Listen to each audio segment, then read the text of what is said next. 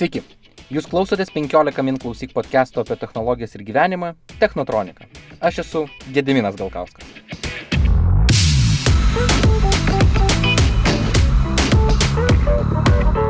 Tai yra pirmasis epizodas ir prieš pradedant šiandienos temą trumpai papasakosiu, apie ką technotronikoje kalbėsimės bendrai.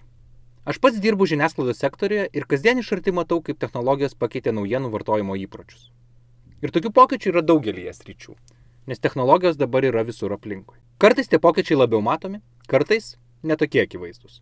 Tačiau technologijos vis tiek keičia mūsų gyvenimo būdą, verslą ar kultūrą. Būtent apie technologijų sukeltus drugelio efektus ir kalbėsime technotronikoje.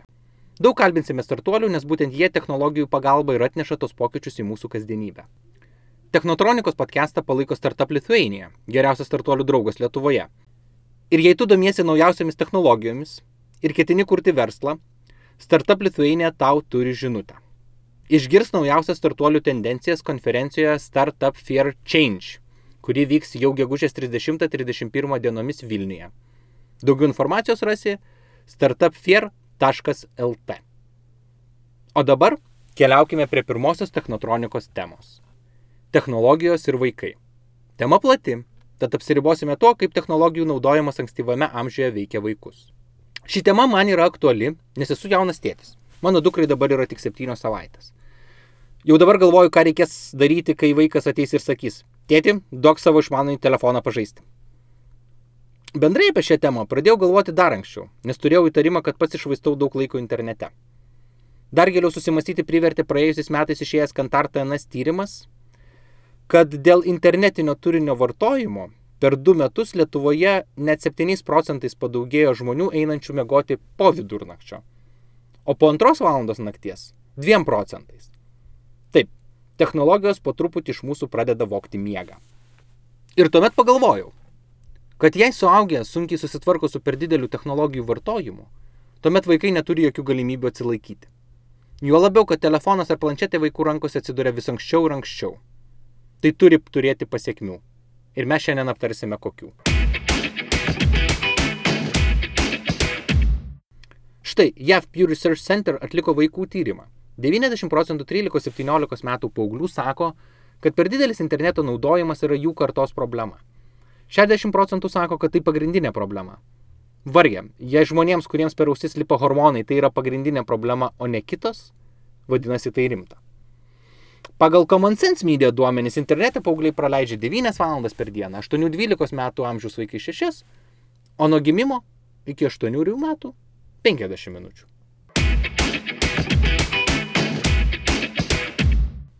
Taigi, šiandien man padės lietuviško startuolio, nors man jie sakė, kad jie savęs nebelaiko startuoliu.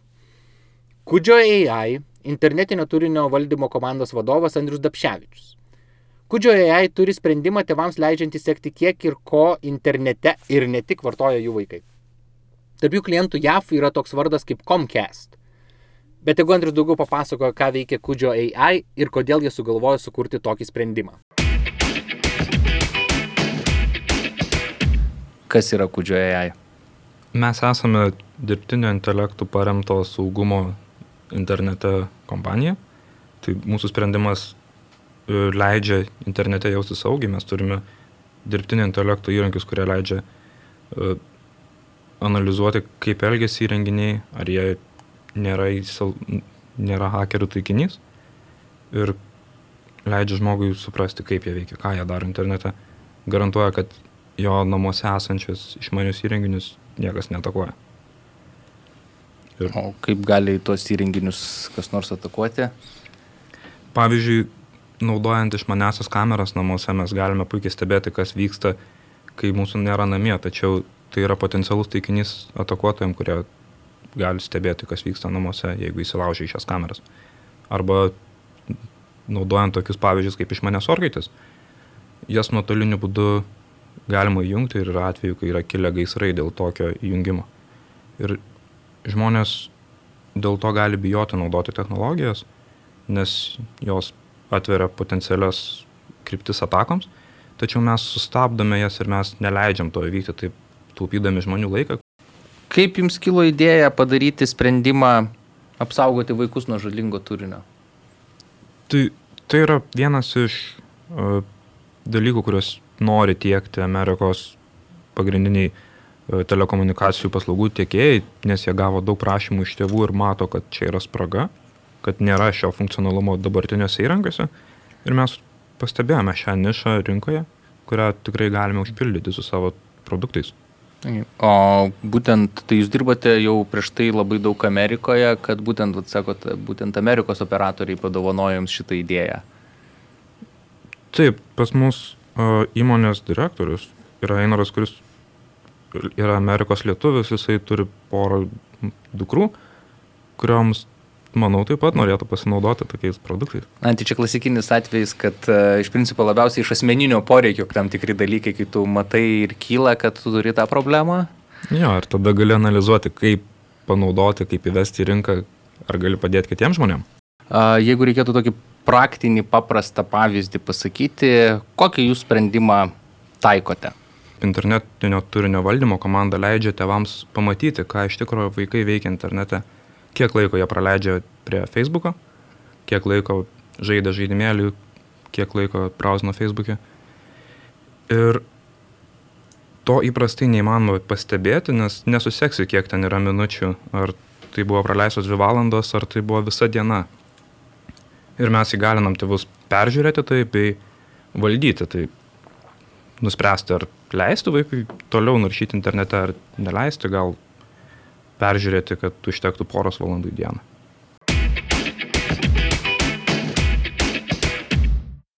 Mano dviniams yra 12 metų ir mažajam 11. Tai yra mano kolegė Vaiva. Prie ekranų turiu omenyje bendrai ir televizorių, ir kompiuterį, ir, ir telefonus, planšetes. Darbo dieną praleidžia apie pusantros valandos toks yra mūsų susitarimas. Manau, kad jeigu nekontroliuočiau laiko prie ekranų, tai jie praleistų visą savo laisvalaikį prie jų, visą, kiekvieną sekundę. Laiką praleidžiama prie ekranų, kontroliuojama bendrais susitarimais šeimos.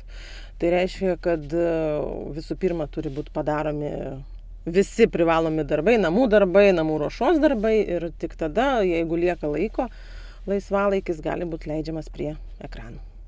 Norėdami praleisti daugiau laiko prie ekranų, jie imasi įvairių gudrybių. E, dažniausiai naudojama tai reikia būtinai ką nors rasti namų darbams, e, paieškoti informacijos internete ir tada būna, kad ateini ir netyčia randi e, žaidimus žaidžiant. Viena iš tokių jau teigiamai pasireiškiančių gudrybių, jeigu galima taip išsireikšti, mano sunus yra perkandė sistemą, kad visų pirma reikia padaryti visus e, darbus ir tada jau bus galima leisti tą laiką legaliai prie ekrano. Tai jisai visą laiką paklausė, ką reikia mama tau padėti, ką padaryti. E, visą laiką pasisiūlė savanoriškai padaryti vakarienę, pavyzdžiui, visai šeimai, tam, kad paskui jau sakytų viskas, va, viską padariau, dabar jau galiu eiti žaisti. O čia yra dar vienas mano kolega, Andrius. Mano sūnui Dominikui šiuo metu yra du metai, ir mes stengiamės, na, šiek tiek riboti technologijas ir, ir neduodam telefono taip lengvai paimti, bet jis jau kartais pergudrauja ir mus. Uh, prieš kelis mėnesius jis šiek tiek sirgo ir vakarais darydavom inhaliacijas ir kad jis ramiai sėdėtų, duodavom telefoną ir įjungdavom filmuką. Tai kai pasveiko po, po keleto savaičių, uh, jis pats prieina prie mūsų ir sako, noriu inhaliacijos. Ir mums keista pasirodė, kodėl jisai to prašo. Tai vėliau jau pradėjau su juo kalbėti, išsiaiškinom, kad jam vis dėlto reikia telefono, o ne inhalacijos. Tai toks va, gudrus ėjimas, bandantis uh, pasiekti, ko noriu, tai šiuo atveju uh, pasimti mobilų telefoną iš mūsų. Tęsiam su Andriumi iš Kudžio AI.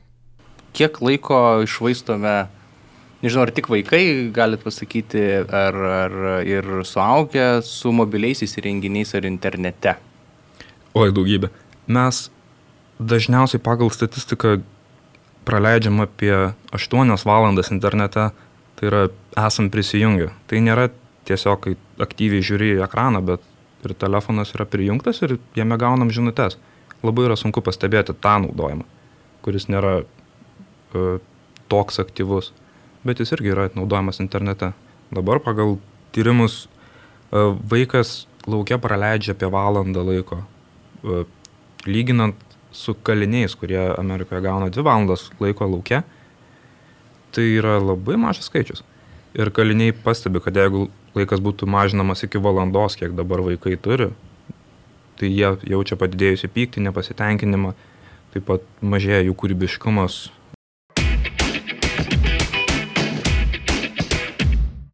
Logopedė, Facebook grupės Mokausi kalbėti, Mokomųjų priemonių mokausi kalbėti, jei vaikas nekalba ir mamos mokykla autorė Violeta Katinė sako, kad dabar ne tik technologijų, bet ir logopedų amžius. Pastaraisiais metais logopedams labai padaugėjo darbo. Ir mes logopedai pastebime, kad vis daugiau dviejų, trejų ar net ketverių metų mažieji vis dar nekalba. Arba jų kalba vystosi pavėluotai. Viena iš priežasčių tai besaikis naudojimasis išmaniosiomis technologijomis. Dabar niekas nesistebi, kai net dvi metis netitraukia akių nuo išmaniojo telefono ar dienas leidžia prie kompiuterio. Šio laikinis gyvenimo tempas pilnas streso, skubėjimo, įtampos. Todėl laiko, kurį tėvai praleidžia bendraudami su vaikais, lieka vis mažiau. Daugelis man pritars, kad pasitelkus informacinės technologijas vaikus auginti žymiai lengviau. Juk mažasis sėdi prie ekrano ir namuose kurį tai laiką būna ramu. Tėvų ir vaiko bendravimo trūkumas tarsi kompensuojamas, leidžiant vaikų žiūrėti televizorių, žaisti kompiuteriu ar telefonu. Ir tik retas susimasto, kad tai nėra gerai ir kad ši ramybė turi savo kainą. Kodėl? Kai mažylis bendrauja su suaugusiaisiais ar bendramžiais, jis nuolat čiauška, guguoja, bandom pamėgdžioti, ištarti garsažodžius, vėliau paprastus dviskemenius žodelius. Rodo įvairias emocijas gestikuliuoja. Taip jis priima pasaulį ir pristato save. O jo kalba, kad ir neaiški, padeda aktyvinti ir stimuliuoti kalbos centrus, nes dirba visas kalbos aparatas. Tai yra lūpos, ližuvis, menkštasis gomurys ir kita. Su pirmaisiais žodžiais palengva lavėjo vaikučio kalba, atmintis, dėmesys, suvokimas ir mąstymas. Tas atsitinka, kai mažasis sutelkia dėmesį tik į televizoriaus, planšetuko ar telefono ekraną, o jo burnytė tarsi pripilta vandens. Tuo metu vaikas dažnai tik tyli ir pasyviai stebi ekrane judančius vaizdus. Todėl kaip ir neturi galimybės lavinti savo kalbos centrų. Deja, net ir pažintinės laidos ar į lavinimą orientuotos programėlės neatstoja kalbinio bendravimo su vaiku. Tuo metu vaikas tarsi praleidžia čiauškėjimo ir gugavimo periodą. Mokslininkai teigia, kad prie kompiuterio praleistas laikas susijęs ir su vaiko savireguliacijos sunkumais. Tai yra, kuo daugiau laiko praleidžia prie ekrano, tuo menkiau gali reguliuoti savo elgesį, dėmesį ir emocijas. Be to mažyliai sėdintys prie ekrano mažiau laiko skiria užsiemimams ir bendravimui. Tuomet nukenčia ne tik jų kalba, kuri dažnai tampa skurdi, bet ir vaizduotė, gebėjimas sklandžiai reikšti savo mintis. Mokslinių tyrimų duomenimis per dieną prie ekranų dvi valandas ar daugiau laiko praleidžiantys dvi metukai po metų turi didžiausius streso skalės įvertinimus. Jei vaikučiai jau treji ar treji su pusė ir jis geba kalbėti sakinukas, viskas puiku. Dažnai tokių vaikų žodynas žymiai turtingesnis, todėl jie gali pasakyti nuo tūkstančio iki pusantro tūkstančio žodžių. Tačiau labai gaila, kad daugėja nekalbančių tremečių vaikų, kurių žodynas sudaro nuo 3 iki 20 žodžių. Kas atsitinka? Kodėl vaikai nekalba? Viena iš priežasčių vėlgi vardyčiau sėdėjimą prie ekranų. Trejų metų vaikai jau labai nori bendrauti su bendramžiais ar suaugusiaisiais. Turėdami skurdų žodyną, jie negali užmėgsti žodinio kontakto. Be to, žaisdami kompiuteriu ar telefonu, trejų metų vaikai dažnai girdi lengvesnę, tai yra anglų kalba, kurioje vyrauja vien skemeniai ir dvi skemeniai žodžiai, tokie kaip red, blue, ką, ais ir kiti. O lietuvių kalba vaikui gana sunki, nes joje daug sudėtingų triskemenių, keturskemenių ir net ilgesnių žodžių. Norėdamas bendrauti, vaikas pradeda vartoti kitos, lengvesnės kalbos žodžius. Iš pradžių tėveliams labai smagu, kai vaikas pavadina daiktą, veiksmą ar ypatybę angliškai. Tačiau, kai ir ketverių vaiko kalba nepagerėja, jie suklūsta ir kreipiasi pagalbos į logopedą. Noriu nuraminti vaikučių tėvelius. Jei mažylio kalba vystosi gerai, dvikalbystė tikrai netrukdo. Tokių vaikų netgi labiau lavinasi smegenų pusrutuliai. Štai dar keletas faktų, ką ankstyvas technologijų naudojimas daro su vaikais. Pagal JAF nacionalinių sveikatos institutų remiama milžiniška studija, kurioje tyriami 11 tūkstančių vaikų. Tie vaikai, kurie praleidžia daugiau nei 2 valandas puksodami į ekraną, vėliau rodo blogesnius mąstymo ir kalbos testų rezultatus. Dar daugiau. Daliai tokių vaikų plonėja smegenų žievė. O tai svarbiausia centrinės nervų sistemos dalis ir jie atsakinga už mūsų kalbą, regą, klausą, sprendimų prieimimą ir daug kitų reikalų. Ir ploniau čia nereiškia geriau. Čia ne iPhone'as. Smegenų žievės plonėjimas šiaip prasideda vidutinio amžiaus ir vyresniems žmonėms ir lemia blogesnę atmintį. Tokie technologijų efektai gali būti visai nepaslaptis jų kuriejams. Jau legenda tapo, kaip Steve'as Jobsas savo vaikams draudė naudoti paties Apple išleistą iPad. Bilas Gatesas taip pat labai ribojo savo vaikų laiką prie ekranų.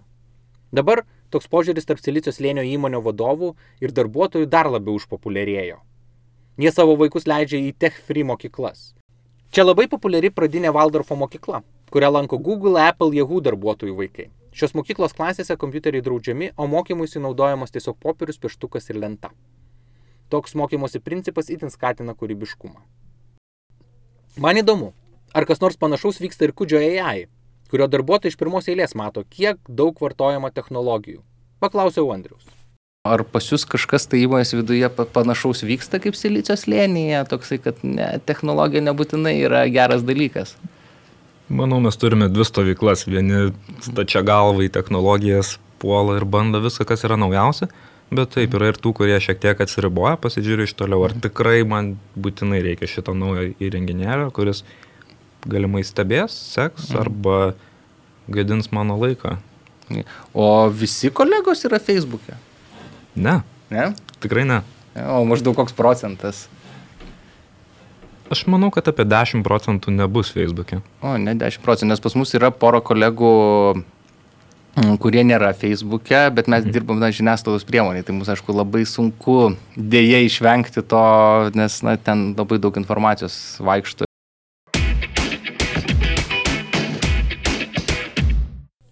Pasiimu savo iPhone ir įsijungiu Screen Time. Tai programėlė, kurią visai neseniai įdėgė Apple ir ji leidžia sekti, kiek ir kokios veiklos aš atlieku savo telefonu. Pažiūrėkime, ką aš veikiau su savo telefonu šią savaitę. Vidutiniškai į telefono ekraną žiūrėjau 3 val. 17 min. Iš jų daugiausiai praleidau socialiniuose tinkluose Facebook, Messenger, Taip, čia jis priskiriamas prie socialinių tinklų ir gal nieko keisto, nes su kolegomis dažnai susirašinėjau per Messengerį. Šitą dar galiu pateisinti. Mm, Twitter, Instagram.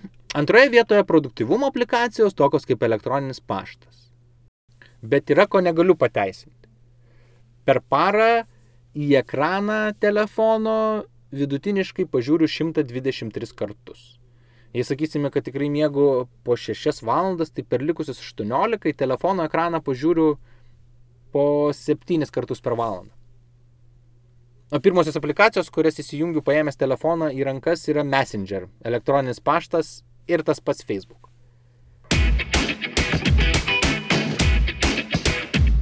O dabar trumpam padarykime pertrauką. Jei patinka klausyti šio podcast'o, gal patiks ir kiti. Daug lietuviškų podcastų galite rasti 15 minučių klausyk mobiliojoje aplikacijoje, kurią galite parsisiųsti tiek iš App Store, tiek iš Google Play. Arba savo kompiuteryje įsijunkite 15 min LT pasvirasis brūkšnys klausyk. Čia rasite ir podcastą laisvai samdomiems darbuotojams freelancerių dalykai, interviu su Lietuvos įmonių vadovais atvirai su vadovų laidoje ir dar daugiau įdomaus turinio. Jei nebandėte, išbandykite. Geroji naujiena, kad klausantis podcastų nebūtina žiūrėti į ekraną. O dabar grįžtame prie mūsų temos. Tristan Harris yra buvęs Google dizaino etikas, įkūręs fondą Time Well Spent, o neseniai ir Center for Human Technology, kurio idėja paprasta - siekti, kad technologijos atitiktų geriausių žmonių interesus Jis teigia, kad dabartinis technologijų dizainas sukurtas taip, kad technologijos valdytų mus, o net virkščiai. Jis išmanųjį telefoną yra prilyginęs lošimo automatui. Mes kiekvieną kartą lošiame, kai telefone ar naršyklėje spaudžiame refresh. Daugybė inžinierių kitoje ekrano pusėje siekia vienintelio tikslo, kad jūs praleistumėte prie ekrano kuo daugiau laiko, o ne kuo naudingiau. Labai rekomenduoju pažiūrėti jo TED kalbą How Better Tech Could Protect Us from Distraction. Ją galima rasti YouTube. Mūsų telefonuose viskas sukurta taip, kad siektume apdovanojimų, o tai smegenyse išskiria dopaminą. Dėl to mes, atsidarę telefoną ir pamatę raudoną burbulą su skaičiumi Facebook ikonos kampe, labai norime ją paspausti, nes turime pamatyti, kas ten yra. Taip mūsų smegenys labai greitai pripranta ir nori dar ir dar. Tristan Harris pats dirbęs su šiomis technologijomis sako, kad taip daroma labai sąmoningai ir taip neturi būti. Mes neturime turėti pasirinkimo tarp viskas arba nieko. Dabar dažnai atrodo, kad atsispirti šiam poveikiu gali tik neturėdamas išmanaus telefono ar nenaudodamas kokios nors aplikacijos. Visgi dabartinėmis sąlygomis sunku atsispirti visoms manipulacijų technikoms. O kalbant apie vaikus, jų savikontrolės mechanizmai nelabai išsivystė ir jie gali paskesti beieškodami linksmų malonumų. Ir čia dar ne viskas. Pakalbėjome su Andriumi apie dar vieną dalyką kiek žinau, jūs galvojate ir apskritai nustatymą, kas yra žalingas turinys. Tai kaip jūs nustatote e, ir kaip dirbate su žalingu turiniu apskritai, kaip jį identifikuojate? Taip, mes naudojame ekspertų komandą, kuri renka duomenis, analizuoja juos, e, kategorizuoja pagal tai, ar tai yra žalingas turinys ar ne, ar jisai tinkamas matyti vaikams, ar jis tinkamas matyti suaugusiems. Jie pagal turimus randamus internete duomenis koreguoja algoritmo veikimą ir analizuojame, ar tai yra, ar jisai pradeda veikti taip, kad mes galėtume jau parduoti žmonėms, mhm. kad jie gautų naudą. O tas žalingas turinys, ar jūs galite identifikuoti tik tai, na, tekstinį, ar ir vaizdinį, garsinį turinį jūsų sprendimai leidžia? Mes mat, analizuojame ir vaizdinį turinį, tai gali būti video įrašai, nuotraukos su pornografiniu turiniu, smurtu, e, bet vystomi buvo sprendimai, kurie leidžia analizuoti ir tekstinį turinį, pavyzdžiui, Messenger platformoje siuntinėjant žinutės, analizuoti ar... Facebook Ma... Messengerį. Taip. Mhm. Ar mes matome, kad čia yra patyčios, ar kažkas negero vyksta, kažkas įtartino, bandoma išvilioti informaciją. Mhm. O tai kaip, vaikais. Kaip, sakykime, tėvams greitai sužinoti tada, nu, nes čia kartais būna, ypač šio laikiniam pasaulyje, tėvai ne, ne visą laiką bendrauja tą pačią dieną su, tėvai, su, su vaikais ir kaip, kaip tėvams greitai sužinoti, kad visgi kažkas kesinasi jų vaiką. Tai šiuo atveju buvo naudojamas, naudojamas sprendimas, kur mes tiesiog siunčiame pranešimą tėvams į telefoną, kad jie matytų, kad kažkas negero vyksta ir tada jie gali reaguoti. Apie žalingą turinį kalbant, YouTube for Kids, uh, jie, na, nežiūrint to, kad jie vis sako, kad mes monitoriname, mes taikome įvairius algoritmus, sekame tiek technologijomis, tiek uh, žmogiškaisiais resursais turinį, bet visą laiką atsiranda ten, na, keisto turinio, sakykime, kaip pavyzdys. Mhm. Suaugęs persirengė supermenų, moteris persirengusi čia tame pačiame video snieguolės kostiumu, dar tas snieguolė yra neščia. Tas video yra atrandamas, aišku, kai vaikai suvedžia Superhero ar Snow White ir tie tie, tie, tie suaugę žaidžia namus. Čia vienas kaip pavyzdys, kitas mhm. pavyzdys yra Mm, Peppa Pig, vienas populiariausių animacinių serialų vaikams. Vaikas suveda, pradeda žiūrėti video, po kelių minučių atsiranda kitas vaizdas, kuri piktas vyras, odontologas, dantistas išrauna keulytėjai dantį ir tas ten kraujuoja ir aptaško visą ekraną. Ir iš principo tai yra na, tikslas sukelti mm, išgazdinti vaiką, sukelti jam stresą. Kaip taip yra, kad tas dirbtinis intelektas na, nesugeba identifikuoti ir tokio dalyko ir apsaugoti vaikus? Taip, tai dirbtinis intelektas naudoja tam tikrus algoritmus aptikti. Tai ir pastoviai didėja kiekis tokių atakų, didėja keliamo turinio kiekis ir tas turinys visą laiką kinta. Dėl to algoritmas jisai negali apriepti viso pasaulio, jis nėra visagalis, visažinis. Jis yra pastoviai tobulinamas, komandos dirba prie to ir žymi, kad taip, mes šią savaitę nepagavom šito turinio, bet ką mes galim padaryti, kad kitą savaitę jisai nepraeitų. Mes pastebime vienetinius atvejus, kaip praslysta pro šitą apsaugą, tačiau mes niekur nematome, kiek iš tikrųjų tokių išpolių buvo sustabdyta, kiek tas algoritmas kartu suveikė. Patyčios internete. A, tai irgi vienas iš tų dalykų, nuo kurio nori tėvai apsaugoti vaikus.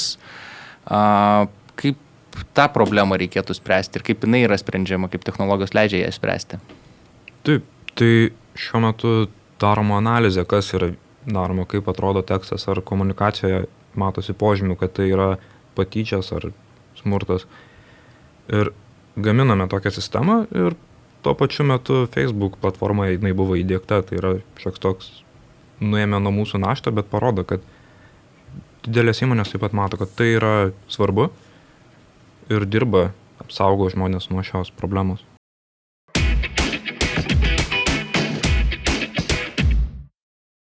Bet kiekviena problema turi sprendimą ir nereikia jų atsisakyti, net jei jie yra neabsoliutus. Kaip tėvai gali padėti vaikam šitą problemą išspręsti? Tai svarbiausia dalis yra, kad tėvai galėtų matyti, kas iš tikrųjų vyksta, nes yra sunku peržiūrėti įrenginius, ne visi įrenginiai palaiko, Apple tik dabar paleido šitą funkciją. Pagal įvairius tyrimus tėvai dažniausiai pastebi, kad uh, vaikams technologijos neleidžia taip stipriai susikaupti ir apribojimas laiko atžvilgių leidžia tikslingai naudoti įrenginius, stebėti, kad taip, aš dabar naudoju Facebooką, tai aš iš jo gausiu, ką galiu, bet nepastoviai žvilgčioti į telefoną, kas trukdo susikaupti, blaško dėmesį, neleidžia daryti kitų veiklų. Tai tai yra didesnis pas, didesnė nauda, kad mes leidžiam tikslingai naudoti ir tikslingai nenaudoti tų mhm. platformų, kurias mes prižiūrime. Ar jūsų tas sprendimas gali būti taikomas, kad ir tėvai, kad savo prisitaikytų? Tikrai taip, pamačius tuos skaičius didelius, kad Facebook'e prasidėjo 12 valandų, bet rodos tik tai užmečiau akį į telefoną. Tai leidžia susimastyti ir patiems ir tėvams, ir pagalvoti apie vaikus. Ir tas parodymas, kas iš tikrųjų vyks, yra labai svarbi dalis, nes vis tiek žmonės jie mato, kiek naudoja, jie supranta ir kai sąmoningai tai pažiūrima, galima imtis veiksmų. Jeigu mano vaikas labai anksti jau pradeda žiūrėti į tą telefoną, ką visgi man reikėtų daryti ir žinoti, kad tas vaikas na, maksimaliai naudingai praleistų laiką arba ne per daug praleistų. Reikėtų stebėti iš tikrųjų, kas yra daroma su telefonu. Ir čia taip pat reikalinga e, pačių tėvų priežiūra, kad sąmoningai neduoti per daug vaikui. Mhm. Bet taip pat padeda ir sprendimai, kurie skaičiuoja, kiek laiko yra praleidžiama, kokiose platformose, kas, ar tai žaidžia, žaidimai, ar tai video peržiūra. O čia vėl logopedė Violeta Katininė. Kuo daugiau bendrausite su savo atžalomis, nesvarbu kur. Eidami į mišką, laukia, važiuodami mašinoje ar kitur, tuo gausiau turtinsite, turtinsite jų žodyną, formuosite ryšliosios kalbos pagrindus tai žymiai didesnė investicija į vaiką, nei jo sėdėjimas prie išmaniojo įrenginio. Juk nuo to priklausys, kaip gerai jūsų sunelis ar dukrytė jausis tarp bendramžių ir kaip gerai gebės mokytis mokykloje. Vienas pagrindinių patarimų tėvams, kaip padėti vaikams bendrauti su technologijomis, visų pirma susitvarkyti su technologijų naudojimu patiems. Jei vaikas matys, kad mes patys žvilgčiojame į telefoną po septynis kartus per parą, sunku bus reikalauti kitokio vaikų elgesio. Besigilindamas, kaip tėvams padėti susitvarkyti su šiuo nelengvu iššūkiu, radau puikią autorę Anastasia Basil. Ji praktiškai nagrinėja, kaip auklėti vaikus įvairiais išmaniaisiais įrenginiais apsuptoje aplinkoje. Vienas iš jos patarimų - į mokyklą pradedantiems eiti vaikams, tiksliau jų tėvams. Nepirkite telefono, o pirkite planšetę. Telefonas yra gerokai asmeniškesnis įrenginys ir jį sunku kontroliuoti. O štai iPad'e Sudėjus visus tinkamus apribojimus, išanstaliavus Safari, vaikas gali naudotis tik tomis aplikacijomis, kurios jau yra įrenginyje. O jei jis nori naujos aplikacijos, jis ateina pas tėvus ir prašo leidimo. Tuomet tėvai turi priimti sprendimą ir paaiškinti jį. Kartais be abejo teks pasakyti ne. Bet beaukliant vaiką tai teks daryti ne kartą ir leidimas parsisiųsti aplikaciją ar ne, tik dar vienas toks sprendimas, kurio nereikia sureikšminti.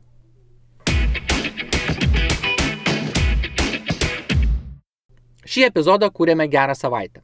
Tik pradėjus darbą pasižiūrėjau, kiek laiko praleidžiu žiūrėdamas į telefono ekraną. Pamenate, buvo 3 valandos ir 17 minučių. Tuomet susistačiau aplikacijų apribojimus, kad vėlyvais vakarais man blokuotų Facebook, Twitter ir panašiai. Vieną vakarą atsigulęs į lovą paėmiau telefoną ir paspaudžiau Facebook aplikaciją. Man išmetė, kad šiuo laiku aš negaliu jo naudotis. Jei tikrai noriu, turiu nueiti į nustatymus ir juos pakeisti. Pagalvojau, kad ai, nereikia ir nuėjau mėgoti. Su telefonu praleistas laikas sumažėjo 20 minučių per dieną, kas nepakito, tai telefono tikrinimo dažnis. Bet kelionė tik prasideda. Paradoksalu, bet gali būti, kad šitą problemą galime išspręsti su daugiau technologijų. Gerai, kad atsiranda sprendimų tokių kaip Kudžioje AI. JAF jų paslauga kainuoja 6 dolerius. Andrius sako, kad Lietuvai gal dar būtų per brangu. Man atrodo, kad vaikų gerovės kortą gali parduoti daugą. Aš mokėčiau tiek tikrai. Dar vienas dalykas. Nereikia būti asketais bei atsisakyti technologijų. Jos suteikia tokias galimybės, kokių neturėjo nei viena karta iki mūsų. Bet kokie kraštutinumai nėra sveika. Tam, kad mes naudotumėmės technologijomis, o ne jos mumis, mums reikia išlaikyti tai, ką turi tik protingas žmogus. Sveika protą. Tiek šiam kartui. Iki susiklausimo kitoje technotronikos laidoje.